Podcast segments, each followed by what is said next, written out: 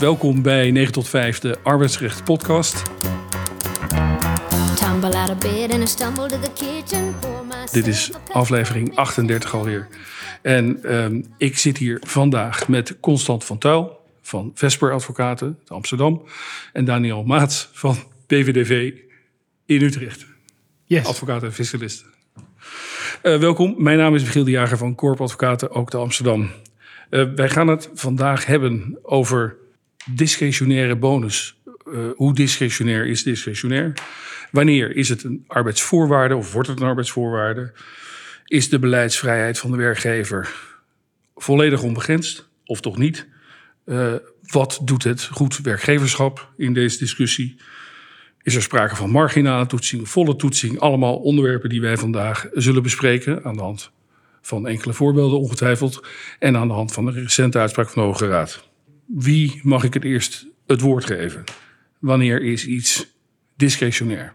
Ik denk dat die recente Hoograad-uitspraak wel interessant is. Niet zozeer wat de Hoograad daar zelf over heeft gezegd. Want het is afgedaan met een eh, ja, heel kort arrest, zeg maar. Dat noemen we een artikel 81 RO-arrest.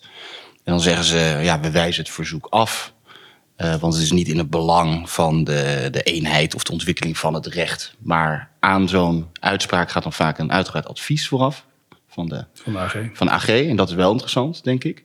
AG Drijbers hè, in dit geval. Ja, ja. eh, en daar haal, haal je denk ik wat leuke dingen uit. En hij, hij sorteert denk ik ook wel een beetje voor op die artikel 81 RO. Want hij zegt, nou, over het algemeen is dit toch wel een beetje de lijn. En de lijn is dat je de, ook de discretionaire bevoegdheid vol aan het goed werkgeverschap moet toetsen.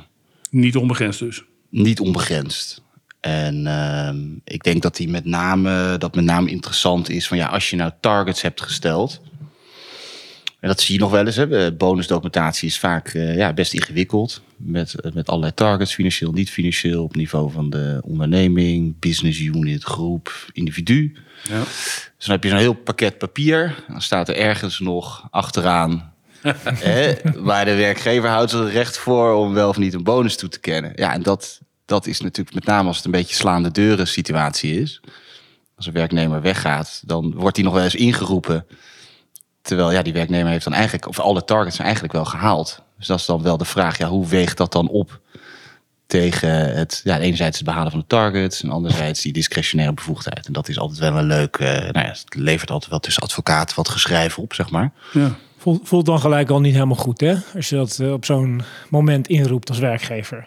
Je hebt heel concreet allerlei afspraken gemaakt, netjes afgevinkt. Er is toch een flink recht op bonus behaald. En dan zeg je, oh, jij vertrekt. Eh, en, en daar verder geen goede afspraken over gemaakt. Nou, we doen toch maar wat minder of niet. Ja, Ja, kan je eigenlijk wel zien, zien aankomen dat dat niet vaak goed gaat bij een rechter. nee. Maar die bevoegdheid was natuurlijk wel uitdrukkelijk bedongen. Ja, die, die bevoegdheid was er hier, hier wel bij die recente uitspraak van, van de Hoge Raad. Ehm, het scheelt ook flink in de portemonnee. Ja. Ehm, het, het, ze keren 40% uit, DXC. Ehm, het gaat om een flinke deal met Robeco, heb ik begrepen. Er zijn ook meerdere mensen die daar aan die deal werken. Ehm, het gaat van, eh even uit mijn hoofd, 113 naar 47.000 euro. Dus En over het verschil gaat hij dan. eh, ja, het verschil eh, wordt uit de portemonnee eh, gehouden van die werknemer. Wa- Wat ik interessant vind in eh, dat advies, eh, of in die conclusie, is dat heel duidelijk wordt gemaakt dat er een verschil is tussen de situatie... We, werkgever en werknemer spreken geen criteria af. Het is eigenlijk helemaal vrij. We kunnen jou een bonus toekennen, ja of nee. Het is volledig discretionair. Eh, en aan de andere kant van dat spectrum... hele concrete, duidelijke afspraken, zoals Constant zojuist aangeeft. De AG geeft aan, als je aan die kant van het spectrum zit... hele duidelijke, concrete afspraken... dan zal de werkgever met een veel beter verhaal moeten komen... om op basis van eh, die argumenten geen of minder bonus uit te betalen. Dus het, ja, die toets op basis van goed werkgeverschap is dan een stuk strenger eigenlijk. Het is een beetje communicerende vaten eigenlijk. Ja, ja. Het is wel leuk om te zien in de praktijk hoe dat dan gaat. Dat verwijst ook wel naar wat lage rechtspraak. En dan, eh, ja, wij denken al snel, oh ja, motiveringsbeginsel, zorgvuldigheidsbeginsel. Daar kunnen advocaten wel iets mee, weet je. Maken er wel een mooi verhaal omheen. Maar daar wordt toch al, wordt er toch wel doorheen geprikt. Dus ik had één zaak bleef, eh, eh, stond me bij. Was, eh, er was sprake van een windfall profit in coronatijd. Dus ik ben even kwijt welke sector het was, maar misschien eh, webshop of zo. Hè? Dus eh, Ja. er werd gezegd, ja, weet je, die hele bonusregeling is toch wel bedoeld om de toegevoegde waarde van management. Daar, daar is het op gestoeld. En niet omdat ja, je eigenlijk geluk hebt door corona. Dus daar was ook een discussie over.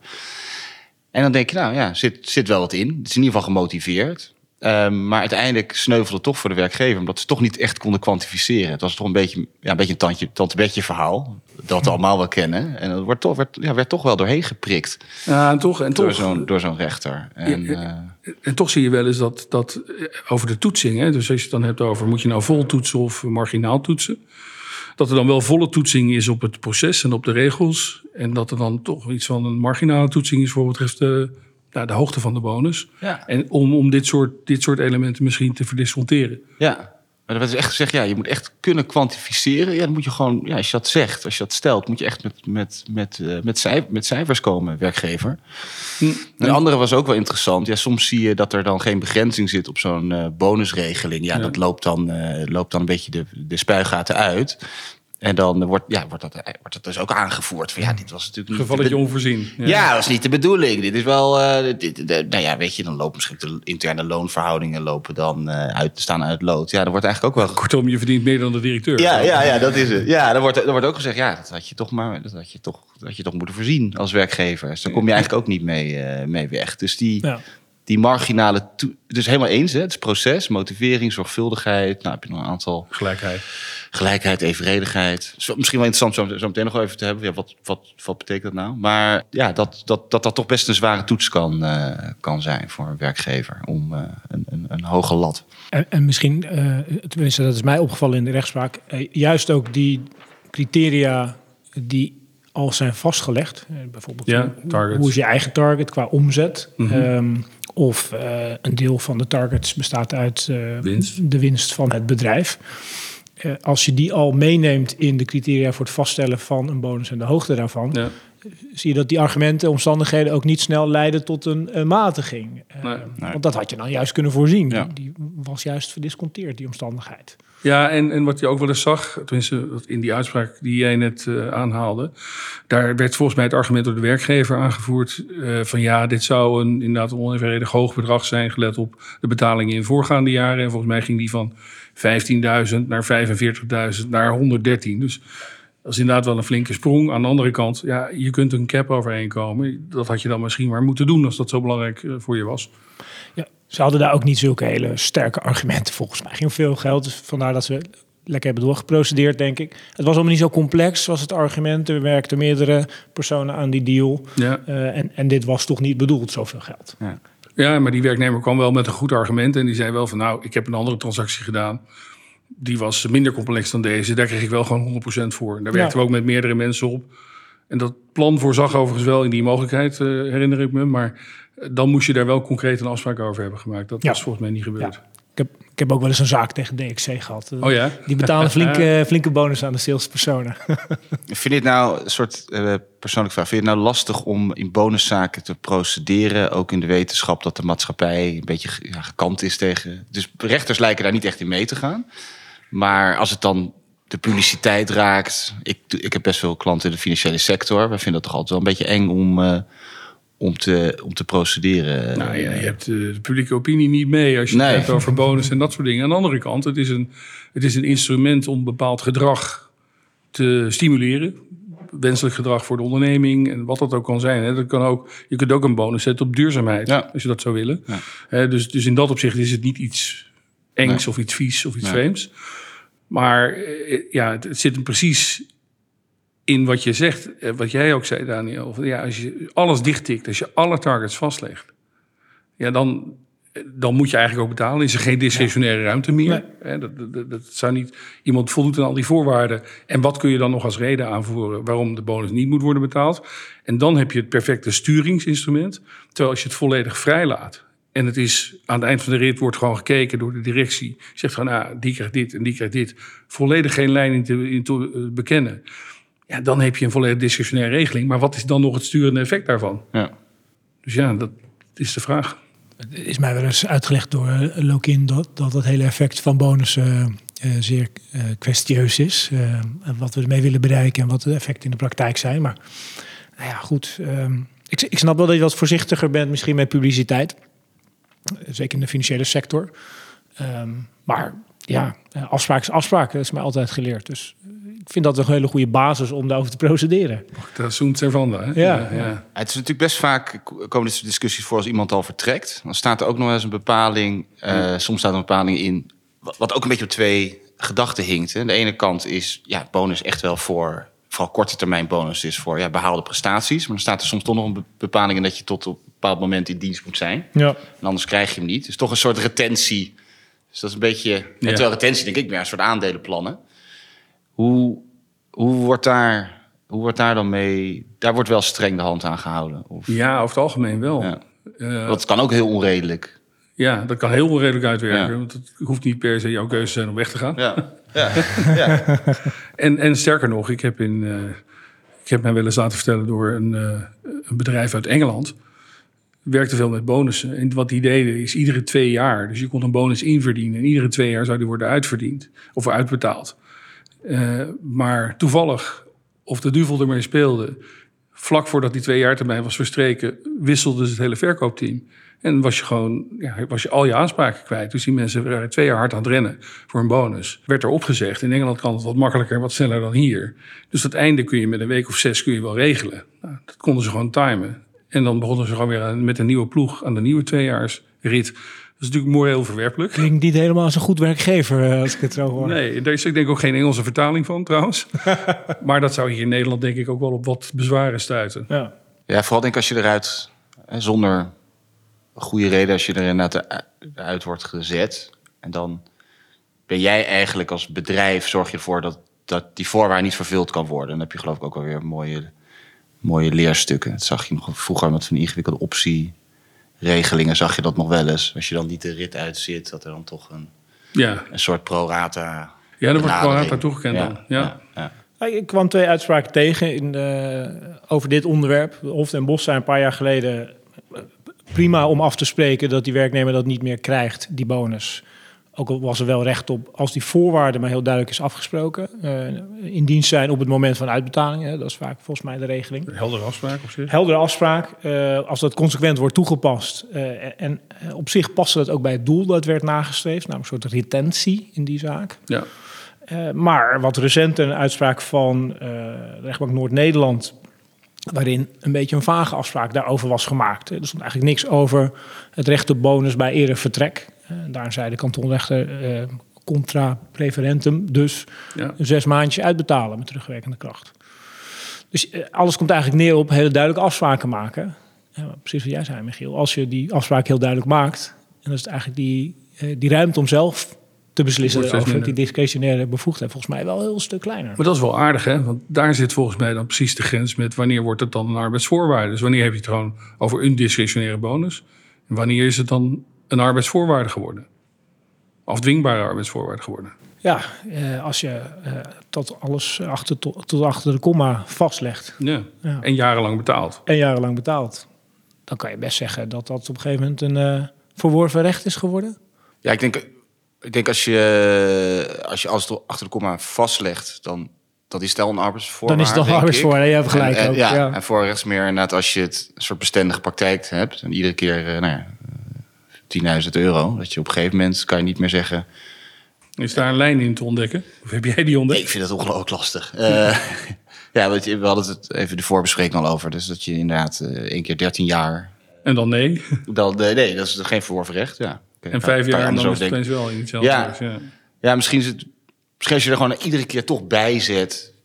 Het is discretionair. Maar dan nog. Je zegt iedere keer, oh, het is discretionair. Maar als je het dan verder eigenlijk niet echt motiveert. En iedere keer een vast bedrag.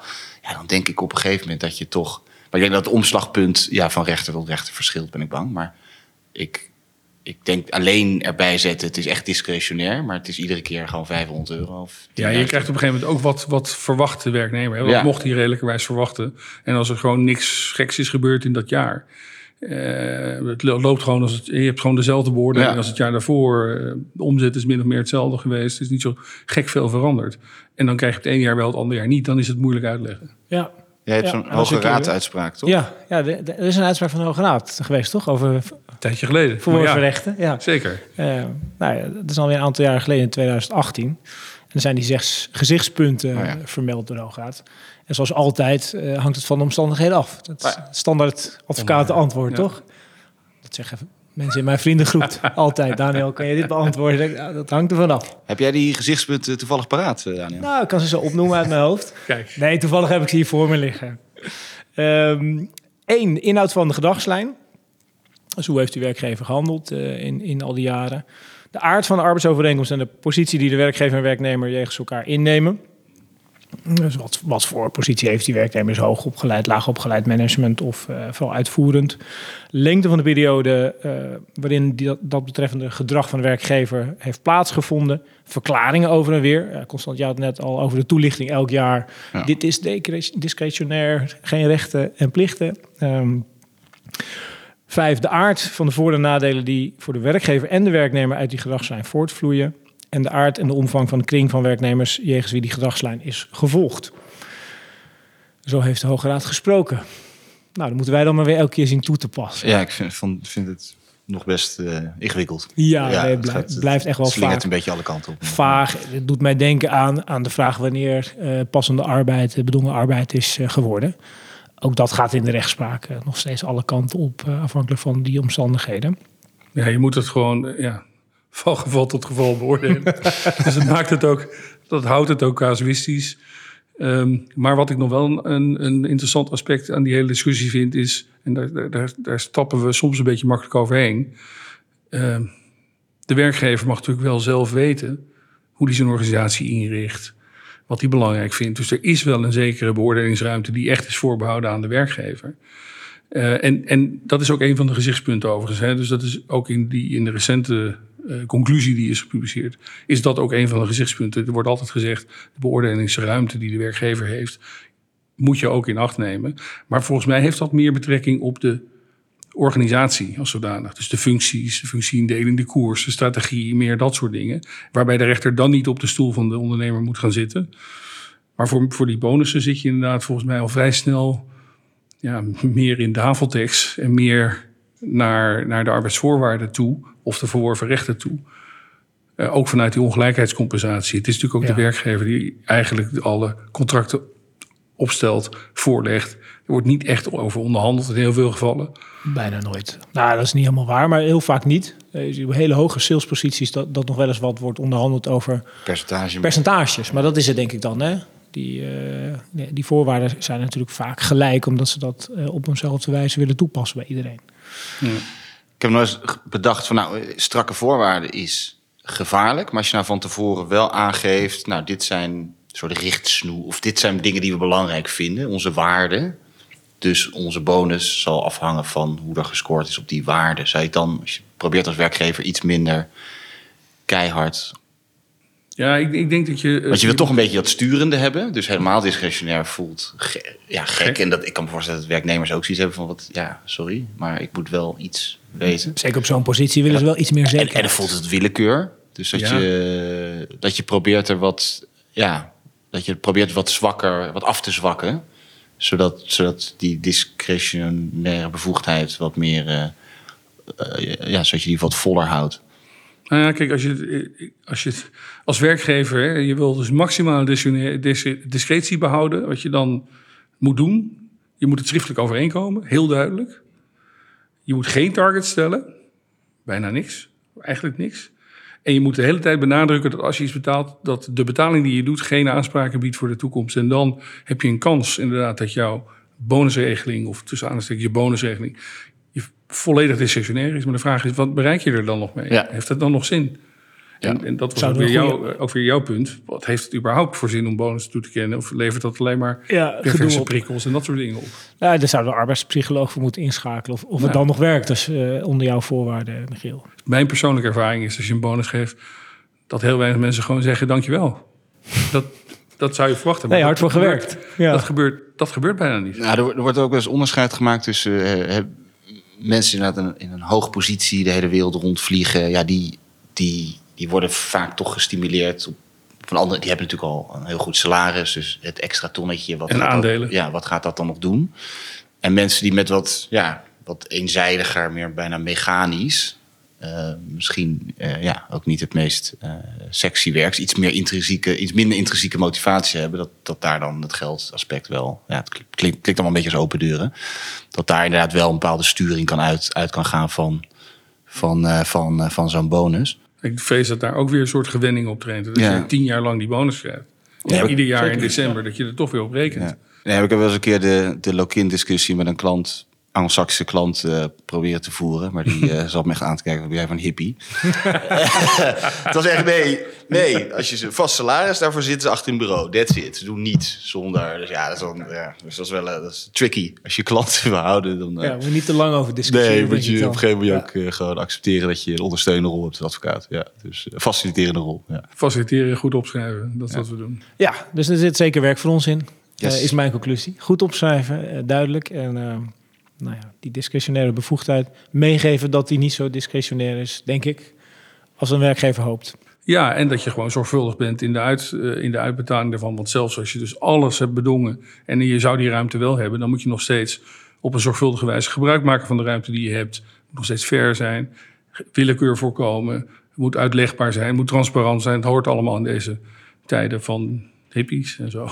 Nee, maar dat zijn, dat zijn wel interessant. Dat zijn inderdaad die beginselen van behoorlijk bestuur. Iedereen kent Ja. natuurlijk wel het motiverings- en zorg... Het ligt allemaal een beetje in elkaars verlengde. Hè? Motiveringsbeginsel, zorgvuldigheidsbeginsel. Ja. Ik heb ze inderdaad even uitgezocht. Vertrouwensbeginsel, opgelegde, eh, opgelegde verwachtingen eh, mogen niet worden beschaamd. Evenredigheidsbeginsel, nadelige gevolgen voor de werknemer mogen niet onevenredig zijn verhouding tot het doel. Dan kan je denken aan een soort afbouwregeling. Ja. Ehm, zuiverheid van oogmerk, hè, verbod op willekeur.